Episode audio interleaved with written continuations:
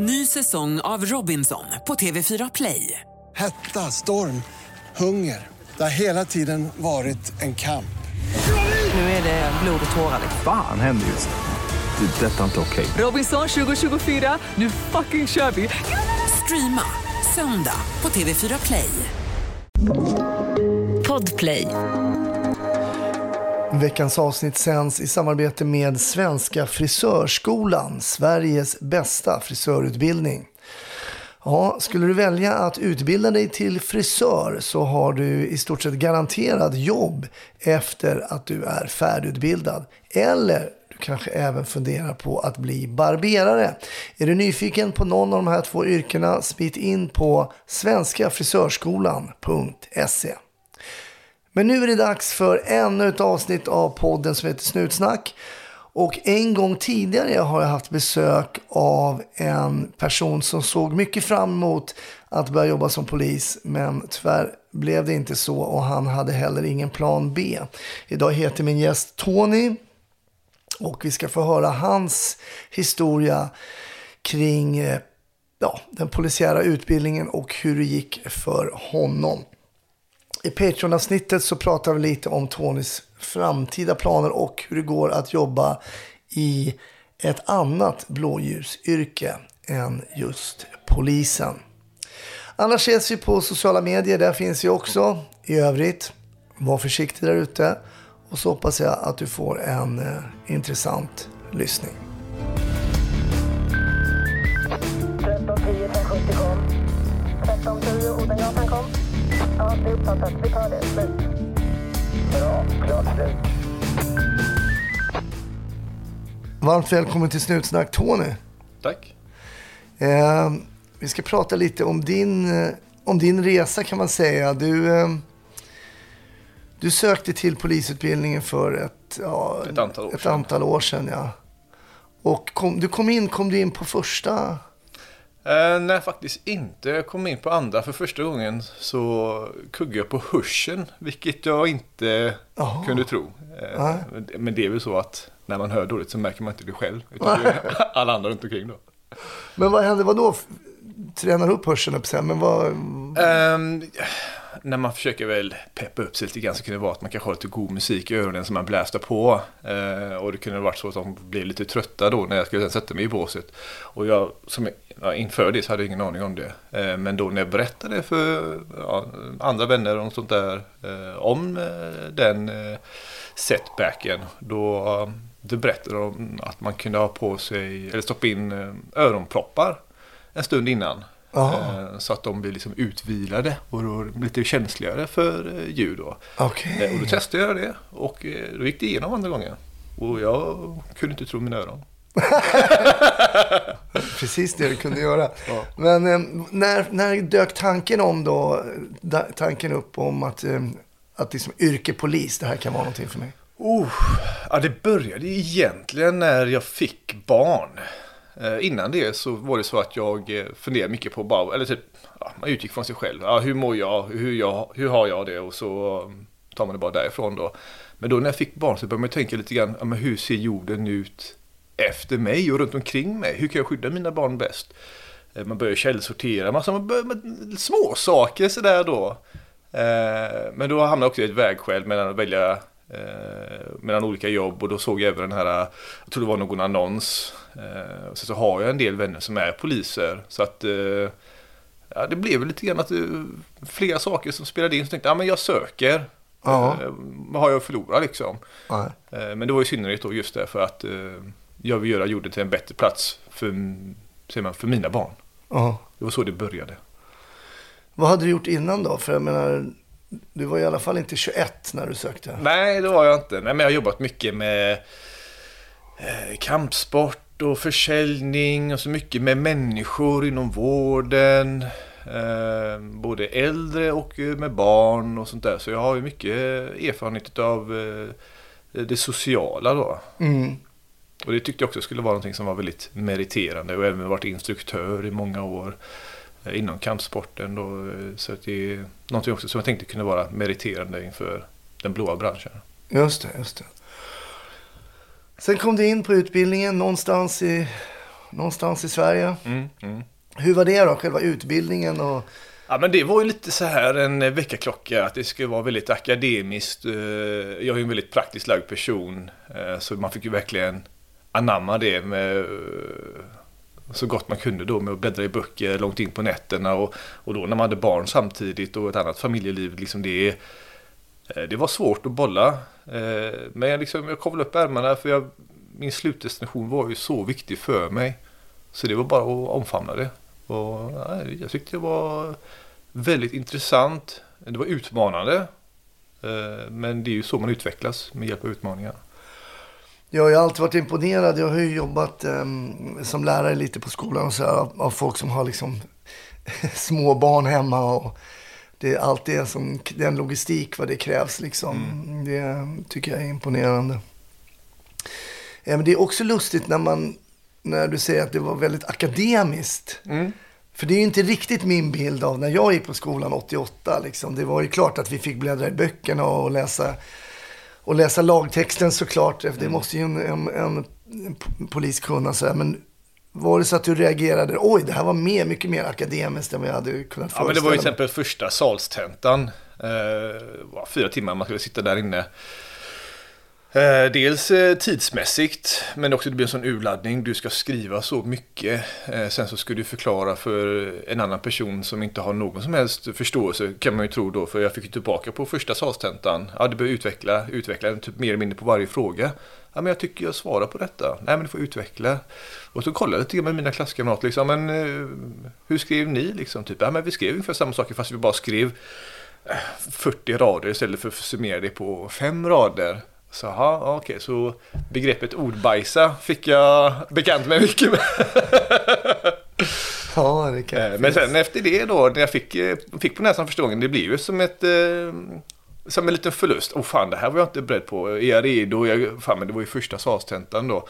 Så efter eh, första kvällen, liksom, när man fick det eh, negativa svaret då, så kavlade man upp ärmarna och så fick man liksom omfamna en ny sida av sig själv med hjälp av den här utmaningen. Och då var det inga problem sen efter det vad det gäller eh, den biten då. Sen så kanske det är typ andra lagrum och andra kurser så man får liksom tänka på ett annat sätt och sånt där då. Men jag tyckte jättemycket om det, just det här med att man får liksom ta sig an allt detta då. Mm. Men det fanns ju praktiska inslag också. Jajamän, jajamän. Och de, eh, det var ju inga problem vad det gäller poolcon och eh, bilkörningen och de här sakerna. De tyckte jag var jätteroligt och utmanande och sådär då. Men det var ju också något som jag är väldigt bek- bekväm med. Liksom jag har kört mycket bil i, mitt liv och även då med i grepphallen så var det ju så att till och med ibland så fick jag visa eh, Eh, tekniker då. Det var någon elev som frågade läraren då. Eh, men om eh, någon gör så här och så här, hur gör man då? Och läraren hade liksom inget riktigt bra svar så frågade han mig. Men vad skulle du göra med din bakgrund då? Typ, ja men ge mig två, tre minuter så ska jag fundera lite grann då. Jag är ju lite rostig men... Ja, och så testade jag lite grann. Och sen så förevisade jag för läraren då och han sa det var jättebra. Och så fick jag då visa för hela klassen då. Ah. Och det var någonting som, och det här Polcom-konceptet var ganska nytt fortfarande då. Så den var ju inte helt bulletproof. Vilket i alla ser man fysiska konflikter så är det ju svårt att skräddarsy den och Ja, ja. Det blir ofta en, bara en stor hög. ja, ja, det blir sällan, eh, det blir sällan liksom våldsanvändning direkt ur Rikspolisstyrelsens anvisningar. Nej, precis. Inte som taget ur film, liksom där teknik efter teknik fint eh, vävs ihop. Nej.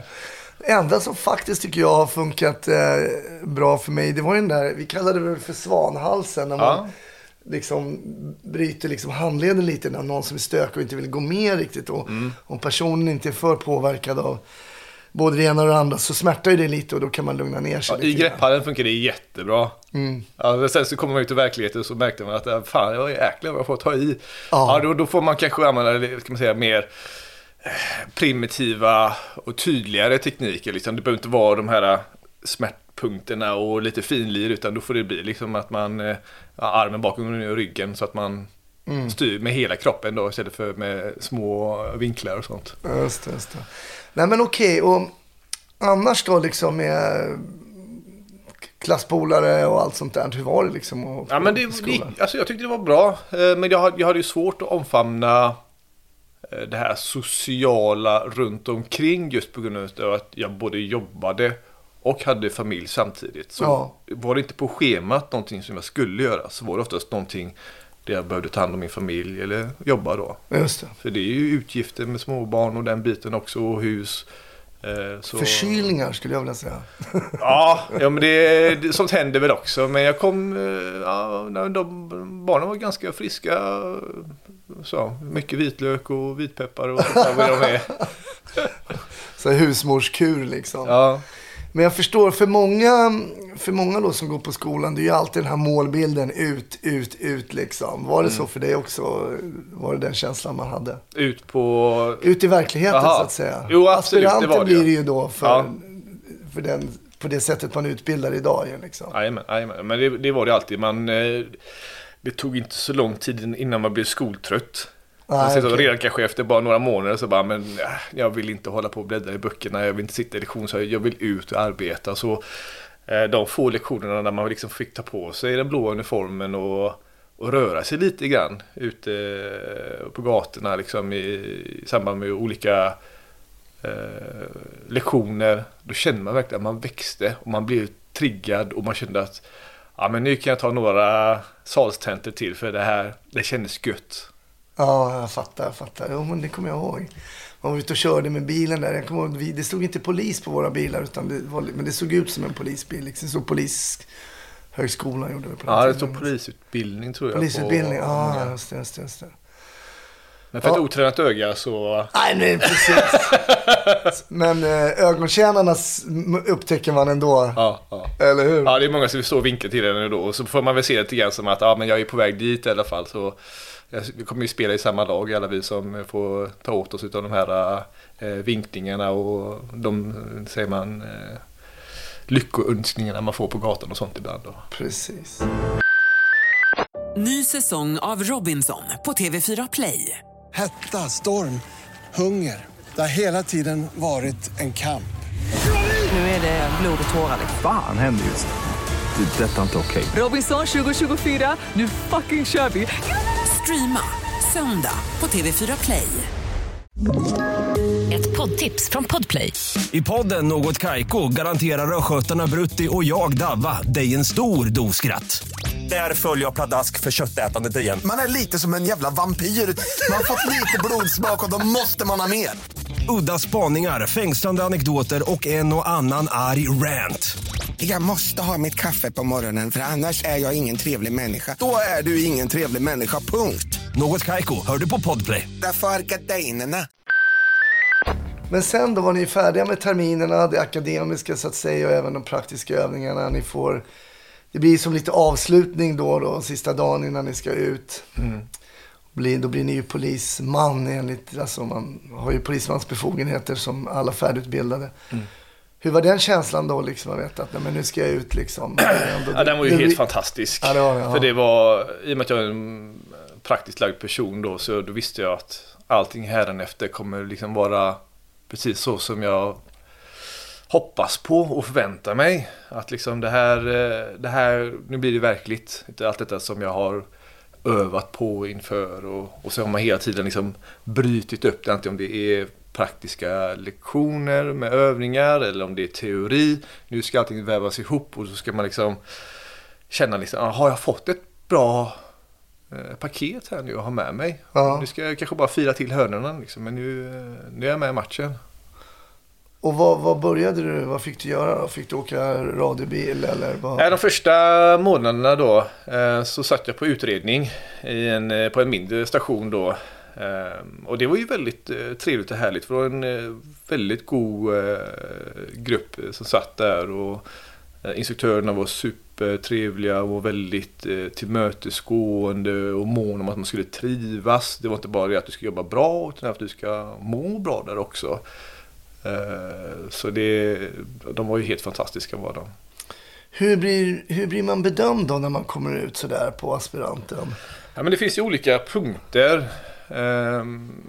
som man ska uppnå kompetens på. Jag tror det är kanske jag tror det var 27 punkter eller något sånt där. Ja, Eh, och alla vidrör olika områden då. Eh, en del kanske liknar de andra men det, allting ska ju liksom eh, bedömas var för sig. Finns det någon oro när man kommer ut eller fanns det någon oro hos dig att tänk om jag inte liksom blir godkänd på? Varje, Fanns, varje dag. Alltså, skulle du säga att det fanns hos andra som var på aspiranter också att man har den känslan att Men jag tror många har det i olika, i olika grader. Ja. Det finns de som kanske känner det men jag är så jäkla duktig på det här och det här. Jag har varit förberedd länge och jag visste ända sedan jag var eh, ett litet barn och kollat på liksom, filmer och haft det som en dröm och anammat den rollen väldigt, väldigt tidigt. Eh, Det gjorde inte jag. Jag var ju många år innan jag kände liksom att "Nej, men det här kanske är något jag vill göra. ja, Eh, Om det var till fördel eller nackdel, ja, det kan man ju säkert eh, dividera om. Eh, men just det här med att känna oron med att vara bedömd och, och sådär. Jo, men det pratar vi ofta. Vi hade ju sådana här handledningsmöten då. Där vi ofta berättade lite grann hur man tänkte, hur man kände och sånt där och stämde av inom gruppen här utav de aspiranterna då. Hur känner du och så vidare. Eh, Men överlag så i början så tror jag vi alla kände liksom väldigt bra för de var väldigt, väldigt goda där i på första stället som jag var på. Då. och hur länge var du där då? Tre månader. Och sen vidare då mot eh, nästa Ja, strax stopp. innan eh, de här eh, tre månaderna tog slut så skulle man då göra eh, PNF då, Polisens nationella förarutbildning. Okej. Steg två. Steg ett fick man i skolan då. Eh, Och då är det att köra lite köra lite eh, polisbil då ute i eh, ute på gatorna då.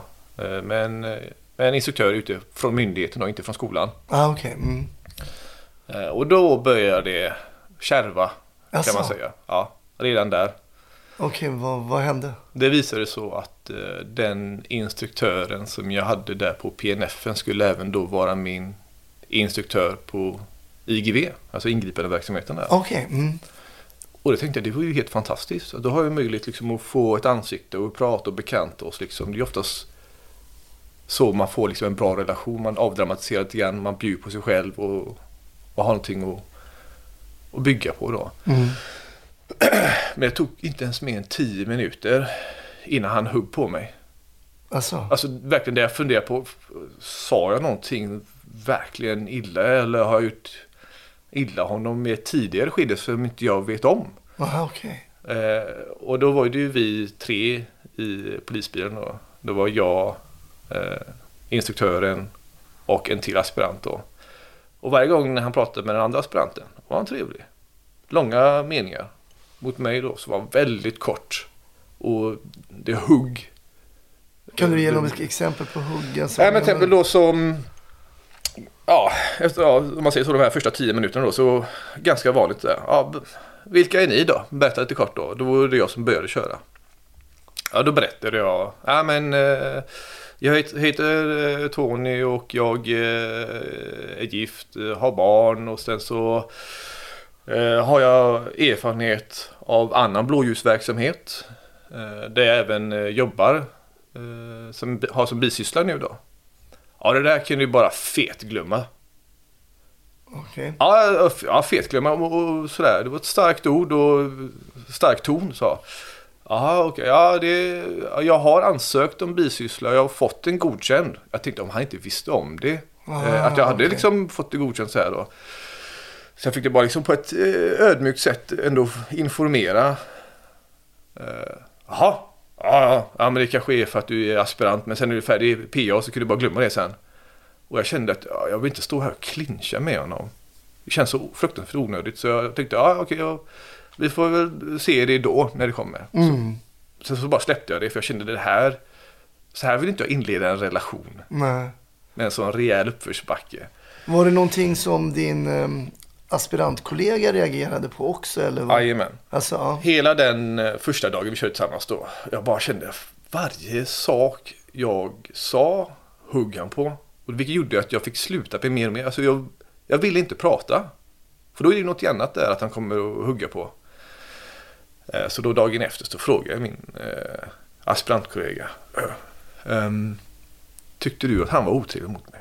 Ja, nu när du sa det så Så tyckte jag det.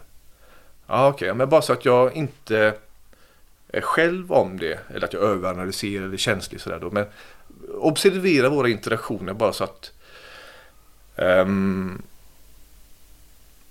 så, så att du liksom ser det också då. Mm. Ja, jajamän. Tio minuter också direkt efter det. Så fick jag en utskällning för jag stod och väntade på honom. Han sa så här, kör ut bilen till manövergården och så väntar du på mig där ute. Ja, okej, då gjorde jag det. Eh, och i och med att det fortfarande var den här PNF-veckan då så hade vi en annan eh, polisbil bakom oss också som också skulle vara med på den här utbildningen då. Så vi var ju, jag tror det var fyra, fem bilar som skulle köra tillsammans. Mm. Eh, Så stod han där på gården och pratade i sin telefon. Jag stod där och väntade. Och så bara slet han upp dörren. Du kan inte stå här, fattar du väl? Håll upp hela verksamheten. Och så kollade jag i backspegeln och så sa jag, det är ju bara de som också ska med oss. Till den här eh, utbildningsplatsen här då. Och bara sl- slängde igen dörren.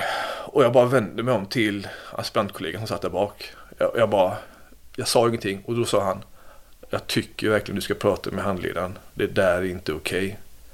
Okej, tack. Då, känner, då är jag inte ensam Nej, som, som känner att det här är inte okej då. Eh, Och jag berättade inte för handledaren, bara jag vet inte riktigt vad jag ska göra. Han uttrycker sig si, han gör så. Eh, Och varje gång det finns tillfälle när vi inte kör så är han väldigt upptagen med sin mobiltelefon. Alltså det finns inget tillfälle liksom att bara chitchatta lite grann och försöka få en han annan... sitter med sin mobil medan ni... Ja, inte, när, inte när vi har lektioner, Nej. men emellan eh, körningarna om man säger så. Vi har kanske en 10 minuters break där. Så då finns han inte ens tillgänglig för liksom, småprat eller sådär då. Eh, så det var svårt liksom att bygga någon form av relation. Det var bara hela Men hur tiden. kändes det om han skulle vara din handledare sen då i, i framtiden? Det- när man skulle vara min instruktör sen. Instruktör, menar jag, förlåt. Det var det som kände bara redan efter bara två dygn. Eller ja, två dagar. Och det, och det känslan är så här. Och, han, och jag ska ligga mm, liksom bara i, eh, i hans bedömning sen i åtta veckor. Det här känns inte bra.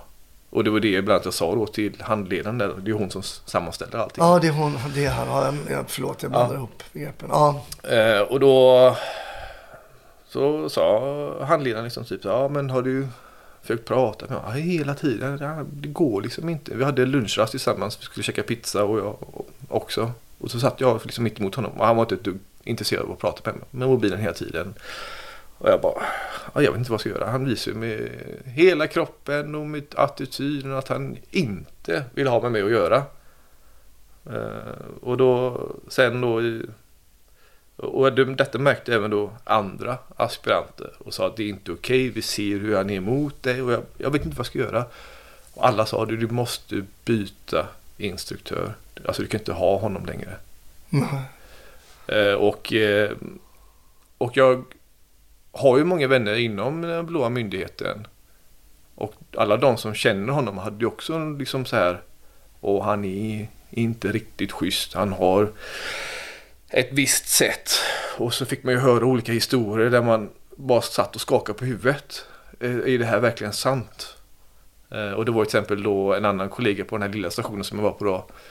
Eh, den personen berättade att när han var instruktör på PNF steg 3, vilket är då när du är färdig med aspiranten så går du till termin 6 och, och så går du lite kompletterande utbildningar för att vara färdig PA där då. Mm.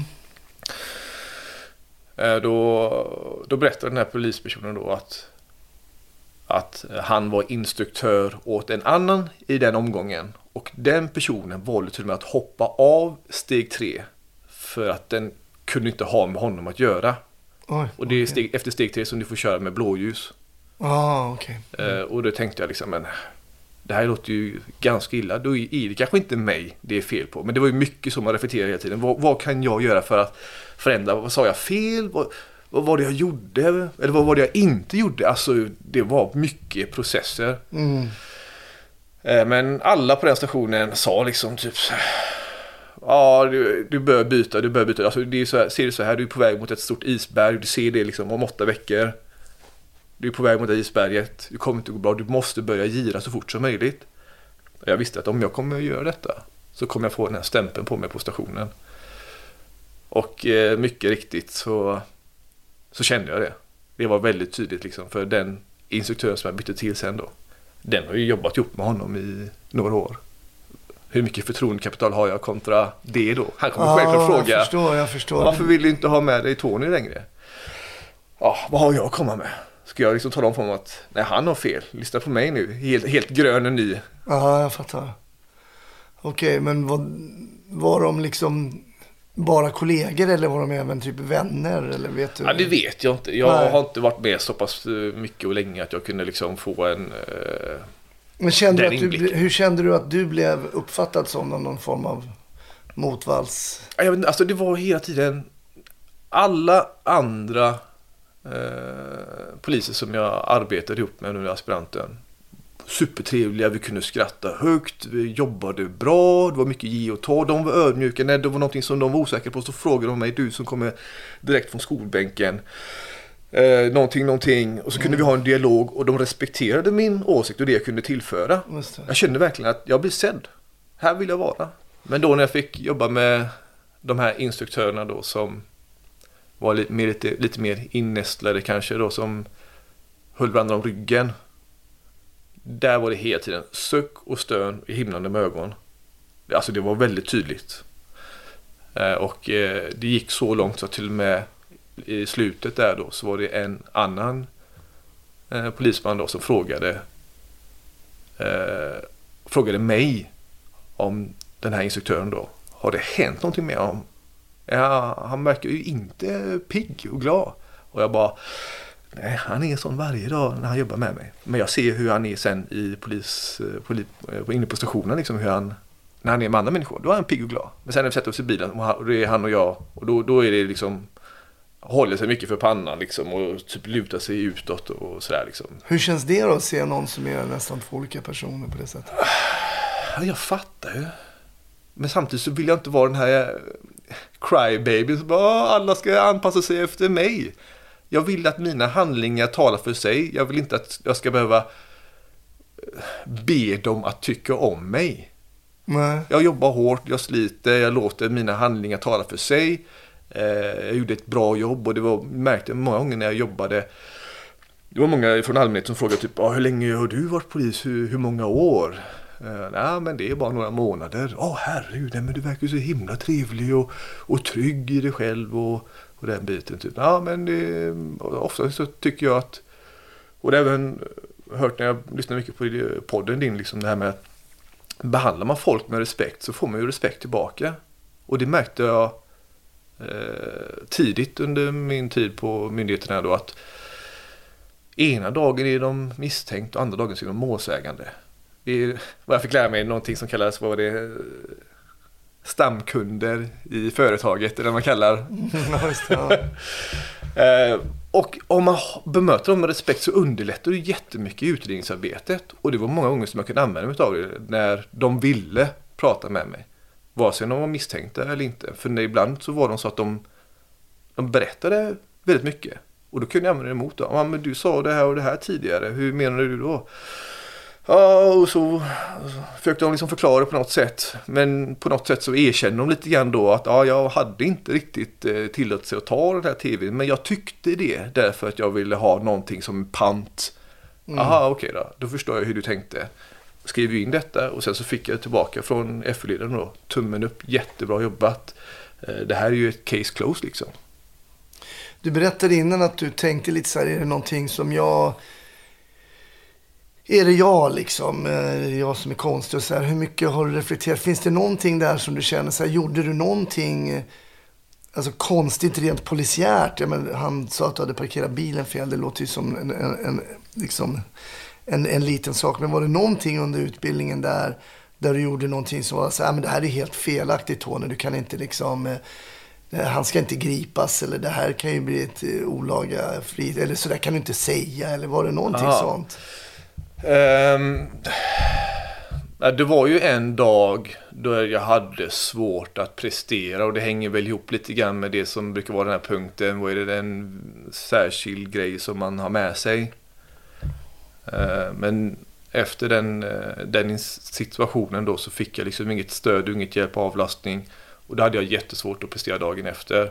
Och då var det en person som var stökig i bilen där jag satt bak med honom. Eh, och det var så mycket som for runt i mitt huvud. Eh, och jag förstod efteråt att de ville att jag skulle liksom använda våld i förebyggande syfte. Han behöver ju inte slåss innan jag ska liksom behöva, jag ska inte behöva agera i nödvärn. Nej.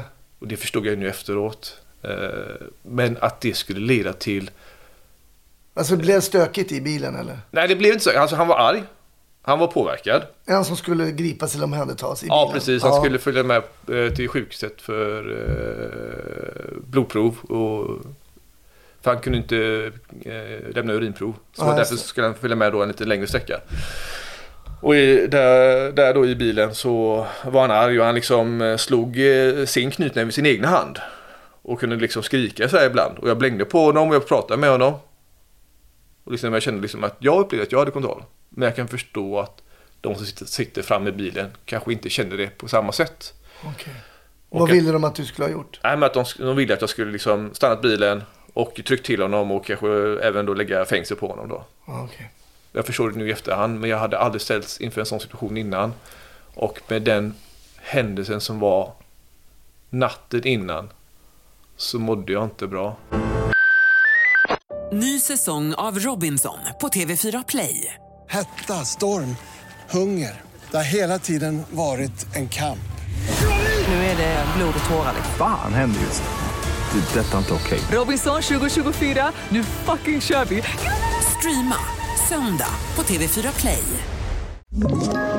Ett poddtips från Podplay. I podden Något Kaiko garanterar östgötarna Brutti och jag, Davva, dig en stor dos skratt. Där följer jag pladask för köttätandet igen. Man är lite som en jävla vampyr. Man har fått lite blodsmak och då måste man ha mer. Udda spaningar, fängslande anekdoter och en och annan arg rant. Jag måste ha mitt kaffe på morgonen för annars är jag ingen trevlig människa. Då är du ingen trevlig människa, punkt. Något Kaiko, hör du på Podplay. Därför är gardinerna. Vad var, hände då natten innan? Ska vi se, detta var ganska nära in på slutet av aspiranten. Ehm, det var två veckor innan man skulle få det här sista betyget då. Och då fick, jag då fick vi till oss någonting som hette en lägenhetsundersökning.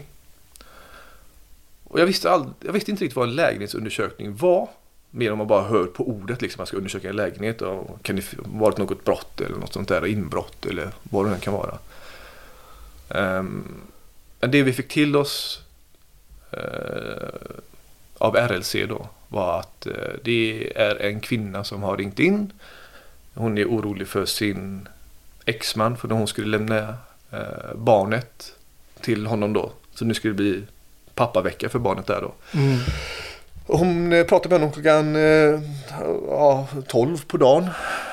Och han svarade. Han sa att det går jättebra och kom om några timmar så tar jag emot. Eh, och sen så eh, svarade han inte längre vid dörren då. Och därför så ringde hon till polisen. Och då hade vi en liten framkörning där på kanske 10 minuter. Så vi pratade lite grann. Vad, vad tror du det kan vara då? Den informationen vi fick till oss också var att han hade nyligen gjort slut med sin tjej några dagar innan. Och då tänker jag så här, men vad gör jag när jag gör slut med en tjej? Ja, man kanske är lite ledsen, det kan jag förstå. Eh, Men ja, hur skulle jag hantera det? Jag dricker några öl, spelar tv-spel, somnar i soffan och kanske inte så jättepigg på att kanske prata med sitt ex. Nej. Man kanske har upp, upprivna sår av den relationen också. Vad vet jag. Men det var, det var den mentala förberedelsen jag hade. Han ligger nog däckad i soffan. Så när vi kom fram. Så detta var ju mitt på natten då. 12. Och utanför bostaden då, så var det exfrun då. Hon som ringde in. Någon vän. Och sen även var det ja, han som bodde där då, hans föräldrar var på utsidan också. Så de var totalt fyra personer där. Eh, grannen då hade nyckeln till eh, bostaden för hon var även eh, hyresvärd. Eh, så vi började med att vi knackade på dörren och ropade polis. Är någon där? Kollade in genom fönstren och gick runt och sånt då. Inget svar. Och det är ändå tänt inne så vi tänkte att ja, vi behöver liksom gå in lite närmare. Så jag gick till eh, hyresvärden och frågade om nyckeln och jag fick den. Jag låste upp dörren och jag ropade igen då med lite mer bestämd röst. Polis, är det någon här? Inget svar. Och då var det ju först en lång korridor med några dörrar höger och vänster då. Jag gick först. Ehm, och så blir det så att kommer man till en dörr så söker man igenom det utrymmet först då så man inte har några eh, osökta utrymmen bakom sig. Just det. Jag sökte vänster ett rum och sökte höger ett rum. Och sen så kom jag fram till någon form av T-korsning där det var en dörr till höger. Den var stängd så man kunde inte liksom se eh, vad det var för rum då. Och sen så såg man att gå- gången fortsatte åt vänster. Och så tänkte jag liksom typ, ja nu står jag inför ett litet vilket ska jag välja först och söka igenom då. Eh, men det gjorde så att jag tog ett stort kliv fram med min fot och höll fast dörrhandtaget på dörren till höger sida. Då, så inte någon kan bara flyga igenom den då. Så jag höll fast dörrantaget dörrhandtaget och tyckte, och höll min fot eh, mot dörren där då. Och så vände jag mig åt vänster. Och så hängde han mitt framför mitt ansikte. Jag tror det var mindre än 30 centimeter. Så hade han hängt sig själv då med en livrem. Mm. Eh, För det var en trappa till vänster. Okej, okej. Och jag bara hoppade till och backade. Och jag bara, "Eh, han är död, han är död. Och min instruktör då, nej du skojar. Nej, nej, nej, nej. Han, han hänger där. Och det är inte ofta jag liksom får någon form av uh, tunghäfta. Men här var det, det var, det var en overload där. Ja, det låter väl fullständigt rimligt. Ja, Ah. att man kan få. Mm. Så det kan ju fram då bakom mig och tittade. Och fan, är han ju. Och, och jag kommer ihåg liksom att det här, den eh, Ja, bilden. det, blev lite, det blev en liten chock kan man säga. Oh ja, oh ja, den bilden är ju fortfarande inbränd i mitt huvud. Ja, Eh, liksom, det såg ut som en docka för han var ju så blek ja. och stel. Eh, men samtidigt så var det så mycket detaljer. Han såg ut som en riktig människa. Mm. Eh, samtidigt också som att inte vill tro att det är sant. Eh, men eh, efter några sekunder, om man säger så, eh, 20-30 sekunder, så sa vi liksom vi måste skära ner honom. Vi måste undersöka så att inte det är något brott egentligen då. Att han kanske blivit mördad och sen hängd för att det ska liksom dölja brottet då. Just det. Och då när instruktören sk- skar ner livremmen så höll jag fast. Och det här var en stor kille. Säkert 100 kilo. Och jag är inte jätteliten och klen heller. Liksom. Men jag, man ville ta emot med någon form av respekt. Så jag fick, jag fick ju vara nära. Så när då han eh, skar ner eh, livremmen då så hörde jag det här pustet. Och jag tänkte en halv sekund. Han lever. Mm. Men samtidigt som jag hör mig själv tänka det så, så tänker jag också, vad fan tror du? Men jag, jag ville liksom att det ska vara ett lyckligt slut på detta. Familjen står ju där ute. Mm. Men då kände jag också liksom, han var kall, och han var likstel. Så jag, jag, förstod liksom att jag kan inte lura någon, inte ens mig själv, inte ens om jag vill det.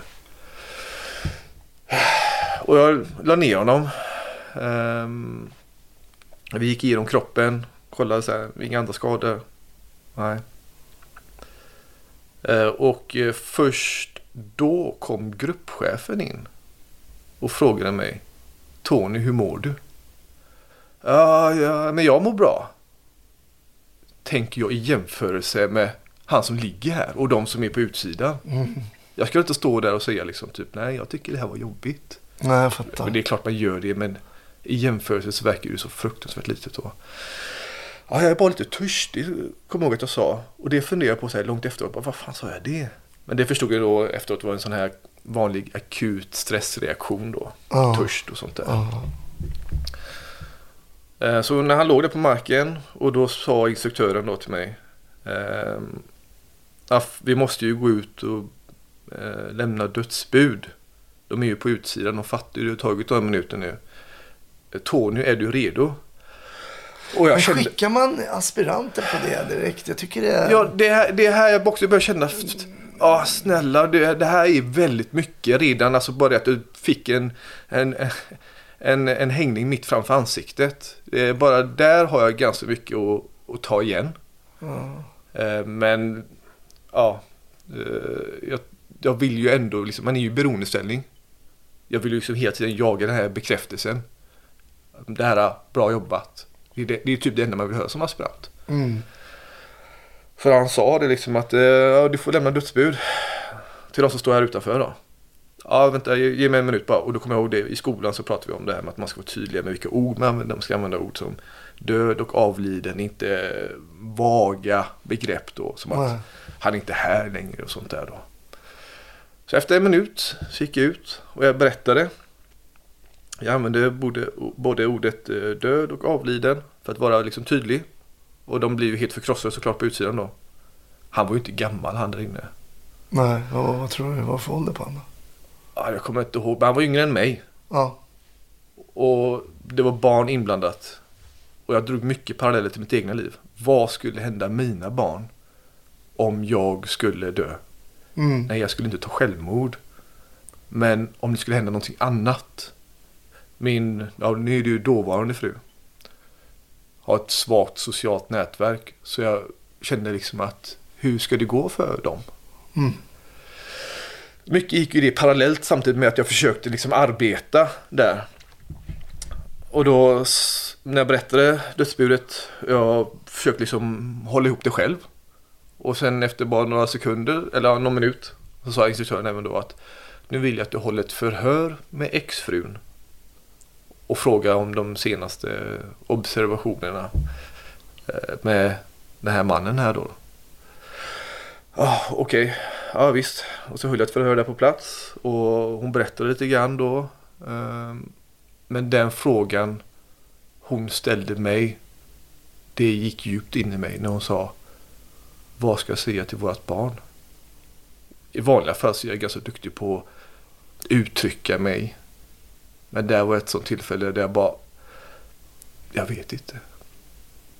Nej, det är ju det är ju rimligt att svara så för att hur- kan man ge ett precis svar vad man ska säga och barn är ju människor och individer och reagerar på olika sätt och så vidare. Men, men eh, kanske det som man, man har lärt sig på skolan att vara tydlig kanske inte. Men jag förstår din tvekan. Ja. Mm. Och då, jag tänkte hela tiden på mina barn. Också i Mm. liknande ålder. Det, det, var, det var en riktig overload i skallen på mig. Eh, sen var vi klara där. Åkte tillbaka till stationen och jag satt helt tyst. Och försökte göra den här eh, dödsrapporten. Då. Eh, jag skrev väldigt långsamt för jag försökte liksom bearbeta väldigt mycket samtidigt. Det var en, en annan i turlaget som, som uppmärksammade mig och sa Tony hur mår du? Ja, jag vet inte. Alltså det, det kändes typ som två timmar jag bara satt där och typ stirrade och skrev väldigt, väldigt långsamt. Men sen då så, men vi jobbade på. Och eh, så var det som ett kallat eh, vändpass då. Så bara, man går av tidigt på morgonen, går hem, sover och så jobbar man kvällen igen då.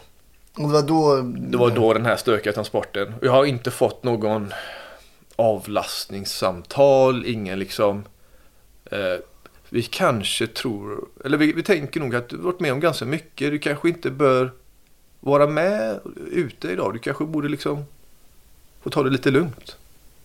Någonstans där hoppade jag så på att jag skulle få den, den back, uppbackningen eller det stödet. Men Hade du jag. tanke på att fråga själv om det fanns den möjligheten? Det enda jag tänkte på var att jag skulle försöka hålla ihop det och liksom jaga den här konstanta bekräftelsen.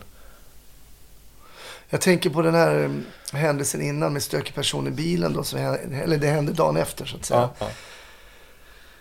Det finns ju också en möjlighet, jag tänker om en instruktör sitter fram och man tycker att man ska hantera, det, det finns ju en möjlighet att kommunicera här med en aspirant och säga så här, vet du nu, nu ska vi se till att den här personen blir lugn. Jag känner mig inte trygg här som förare eller, eller så. Det, man kan ju inte tankeöverföra vad du ska göra. Det måste ju också finnas en...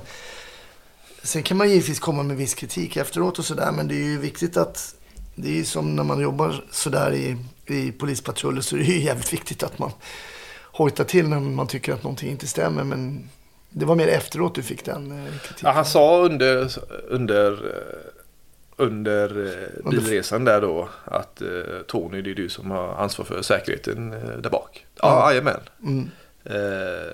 Men det är hela tiden, alltså varannan tanke jag hade var ju liksom den här inpräntade personen jag hade i mitt ansikte då. Mm. Hängningen där. Eh, jag hade jättesvårt att, att tänka liksom. Det var fortfarande så färskt liksom. Men sen händer det någonting då. För om vi ska gå händelserna i förväg lite grann. Så är det så att du är avskild från utbildningen. Ja, precis. Jag fick inte fortsatt min anställning. Jag fick en, eh, vet du det, en förlängning heter det då. Du fick inte en förlängning. Jo, jag fick en förlängning. Du fick en förlängning. Ja, jajamän. Av aspiranten. Ja, Eller? precis. Ja. Jajamän. Så i aspiranten är ju sex månader och så får man en förlängning på jag tror det kan vara två, fyra, sex månader. Ja. Beroende på prognosen då. Eh, och då när det vankades förlängning då frågade min handledare vill du vara i kontakt med Polisförbundet?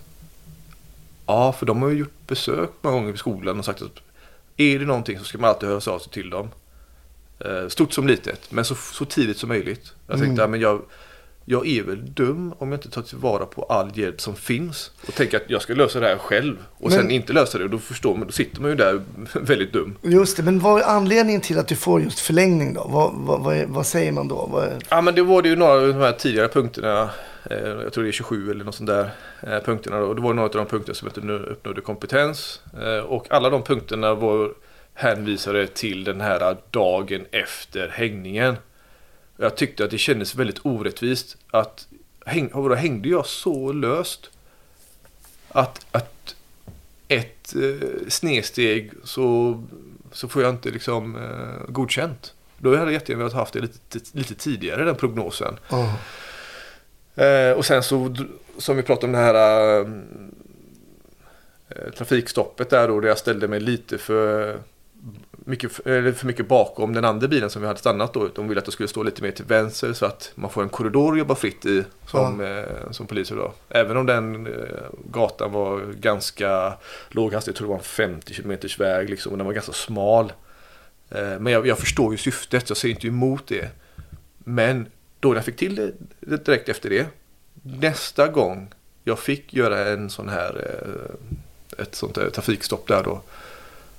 Eh, Jag tycker det låter, nu givetvis är det här din historia och, och, och, och sådär, men jag tycker det låter ju, det låter ju helt orimligt några praktiska detaljer. Jag menar, har de inte sagt att det är någonting med just med dig, att du uppträder eh, arrogant eller felaktigt eller har dålig människosyn eller... nej.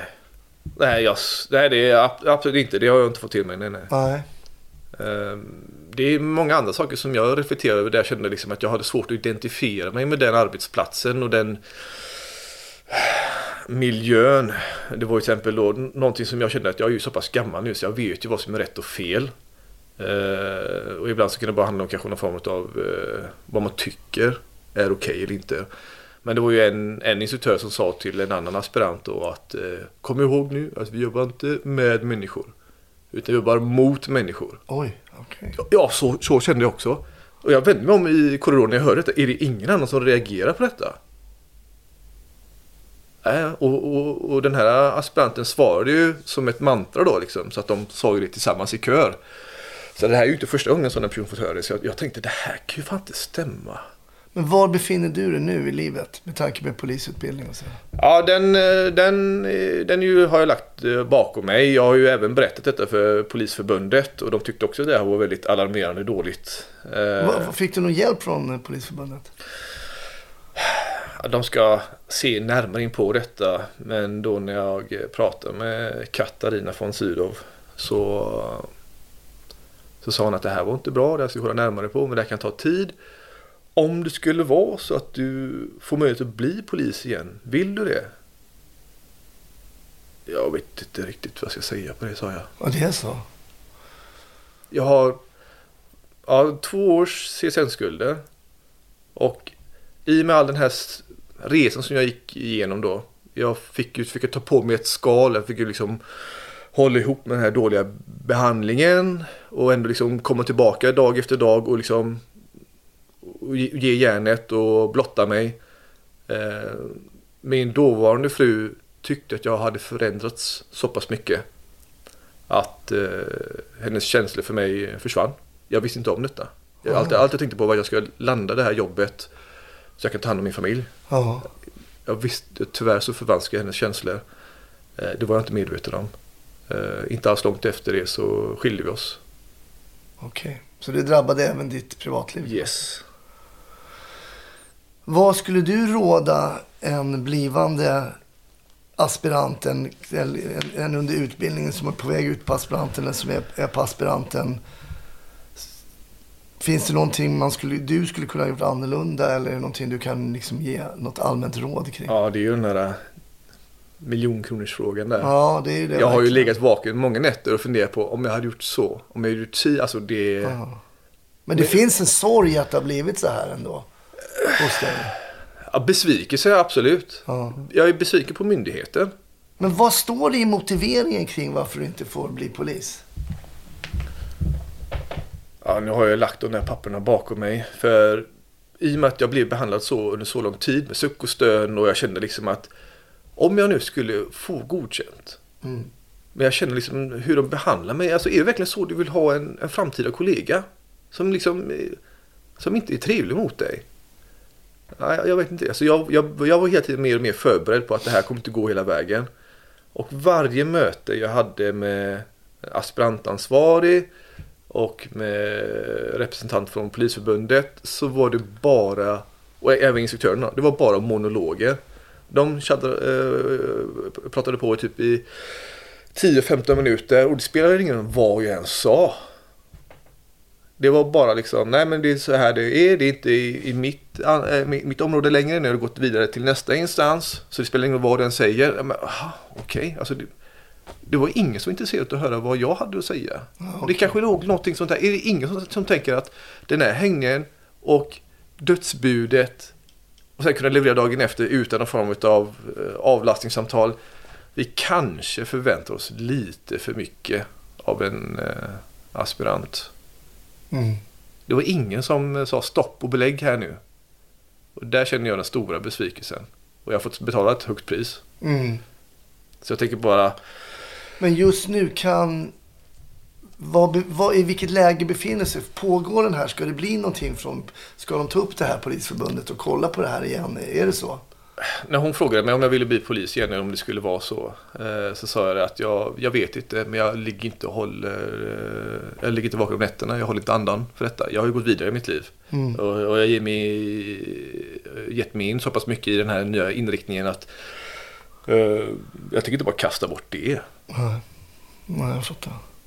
Jag måste lägga det här bakom mig för det har tagit tillräckligt mycket. Jag vill inte känna liksom att det förstör mig resten av Är du bitter? Ett tag var jag det. Mm. Varje gång jag såg en polisbil, det är som eh, efter allt detta, det är, min puls gick upp. Ja. Vem är det som sitter i den bilen? Är det den personen? Är det den? Ja, okej, någonting, någonting. Sen, eh, nu har det gått så pass lång tid liksom som att jag har bara, äh, jag, fick, jag förstår ju klart, jag har ju många vänner inom myndigheten och, och de, de, när jag berättade för dem min resa, de beklagar och de skäms också för den arbetsplats de representerar. Men det finns ju dåliga hantverkare också och ändå så byggs det fortfarande hus. Liksom. Det är, man kan inte dra alla över en kant. Så jag Nej. förstår att det finns ju vissa individer som vill göra saker på sitt sätt. Eh, ja, det var i deras våld jag hamnade och eh, ja, så kan det bli ibland. Ja, det är ju en... På ett sätt, eh, det låter ju konstigt om man säger en spännande historia, men, men eh, det är åtminstone en intressant historia och jag kan förstå den, även om bitterheten är borta lite grann, men också besvikelsen när man kastas in i två år, pluggar och så blir inte allt som man tänkt så. Man kanske... och det har jag ju själv kanske en bild av Polismyndigheten att Ehm, folk som jobbar där är vana att hantera människor om de inte faller. Jag vet inte ens om du faller utanför ramen. Jag har inte jobbat med det eller något sånt där. Men även om det är så att någon faller utanför ramen, är kantig och lite svår så brukar ju handledare och instruktörer vara ganska kunniga på att, att, eh, att luckra upp eller prata med en sån person och f- få det lite på rätt linje. Men Tony, trots att det nu kanske inte blir polisyrket för dig, men kan du, kan du kolla på polisserier? Har du något att rekommendera? De först, direkt efter äh, allting tog slut, då, då var jag helt anti. Jag kunde inte se på Beck, jag kunde inte ens se på till i huvudet på en gärningsman eller något sånt där. Ah. Eh, för för det, det blev så mycket trauma för mig där då. Eh, Men sen efter en stund då så kunde jag börja kolla igen. Men då när jag var som mest inne i det. eh, Det var ju Brooklyn 99. Ja. Ja, jag var så uppslukad. Jag kunde se eh, alla säsonger på repeat. Ah. För jag tyckte det var så kul. Och jag bara, ah, en, sån, sån, en sån här familj vill jag också ha. Liksom det här med att eh, Ah. man kan skoja och man... Eh, allvar ihop med humor och den biten. Sen så förstår jag självklart, det, det är ju långt ifrån verkligheten. Men eh, det, det är var ju någonting som jag kollade mycket på. Det är roligt. Eh, men sen så, någonting som jag vet att även du tyckte mycket om när du var liten, har jag för mig. Eh, någonting som jag växte upp med, det var ju Robocop. Oj, oj, oj. För det har du väl nämnt någon gång innan? Ja, ja, ja, det är min, en av mina absoluta favoritfilmer. Och då menar jag originalet. Mm, med Peter Weller. Ja, ja. Ehm. Jag hade tvåan på VOS och just den eh, filmen kan jag väldigt mycket. Ja, ja, men det, tvåan, var det inte då han fick någon jetpack? Eller Nej, trean det han jetpack. Då, då hade det gått ut för, för Ja, då var då spårat asiaterna helt. tog över. De skulle liksom eh, modda honom på något sätt och det, ja, det blev så konstigt. Men Ja. ettan och tvåan, de var, de var bra. Ja, framförallt detta. Eh, och det är ju han holländska regissören Paul van. Han har ju även gjort, den gillar jag också faktiskt, Starship Troopers. Jaha, okej. Eh, vad heter han? Paul van der Hoven? Ja, någon får rätta mig. Eh, ja, men bra tips tycker jag. Ja. Brooklyn 911 är jätterolig. Ja, ja. Eh, för den som vill ha lite polishumor. Eh, och självklart Robocop. Sen så tyckte jag att Tunna blå linjen var väldigt bra. Jag såg bara den första säsongen. Mm. Eh, Men där kunde jag ju känna igen mig mycket. Var det Leila tror hon heter? Mm, hon, hon som har morfar i butiken. där. Precis, liksom hur hon blir dragen gentemot eh, yrket liksom. Hon måste vara en polisman men samtidigt också så här behöver ta hand om sin familj och ibland så kolliderar det väldigt mycket. Och där kunde jag känna mycket liknelser då. Och du som lyssnar, är det så att du har några inputs kring det här, hör gärna av dig om du är aspirant. Och så här. Vi ska prata vidare lite i ett Patreon-avsnitt, höra lite vad du gör idag Tony, hur du har gått vidare efter det här. Så eh, tack så länge för, eh, för din historia. Mm, tack själv, tack.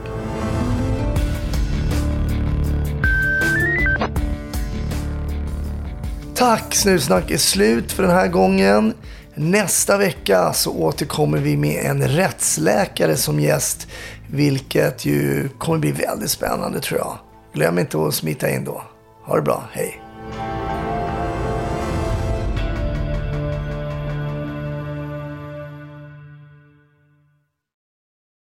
Ny säsong av Robinson på TV4 Play. Hetta, storm, hunger. Det har hela tiden varit en kamp. Nu är det blod och tårar. Fan händer just nu. Det. är Detta är inte okej. Robinson 2024, nu fucking kör vi! Streama söndag på TV4 Play.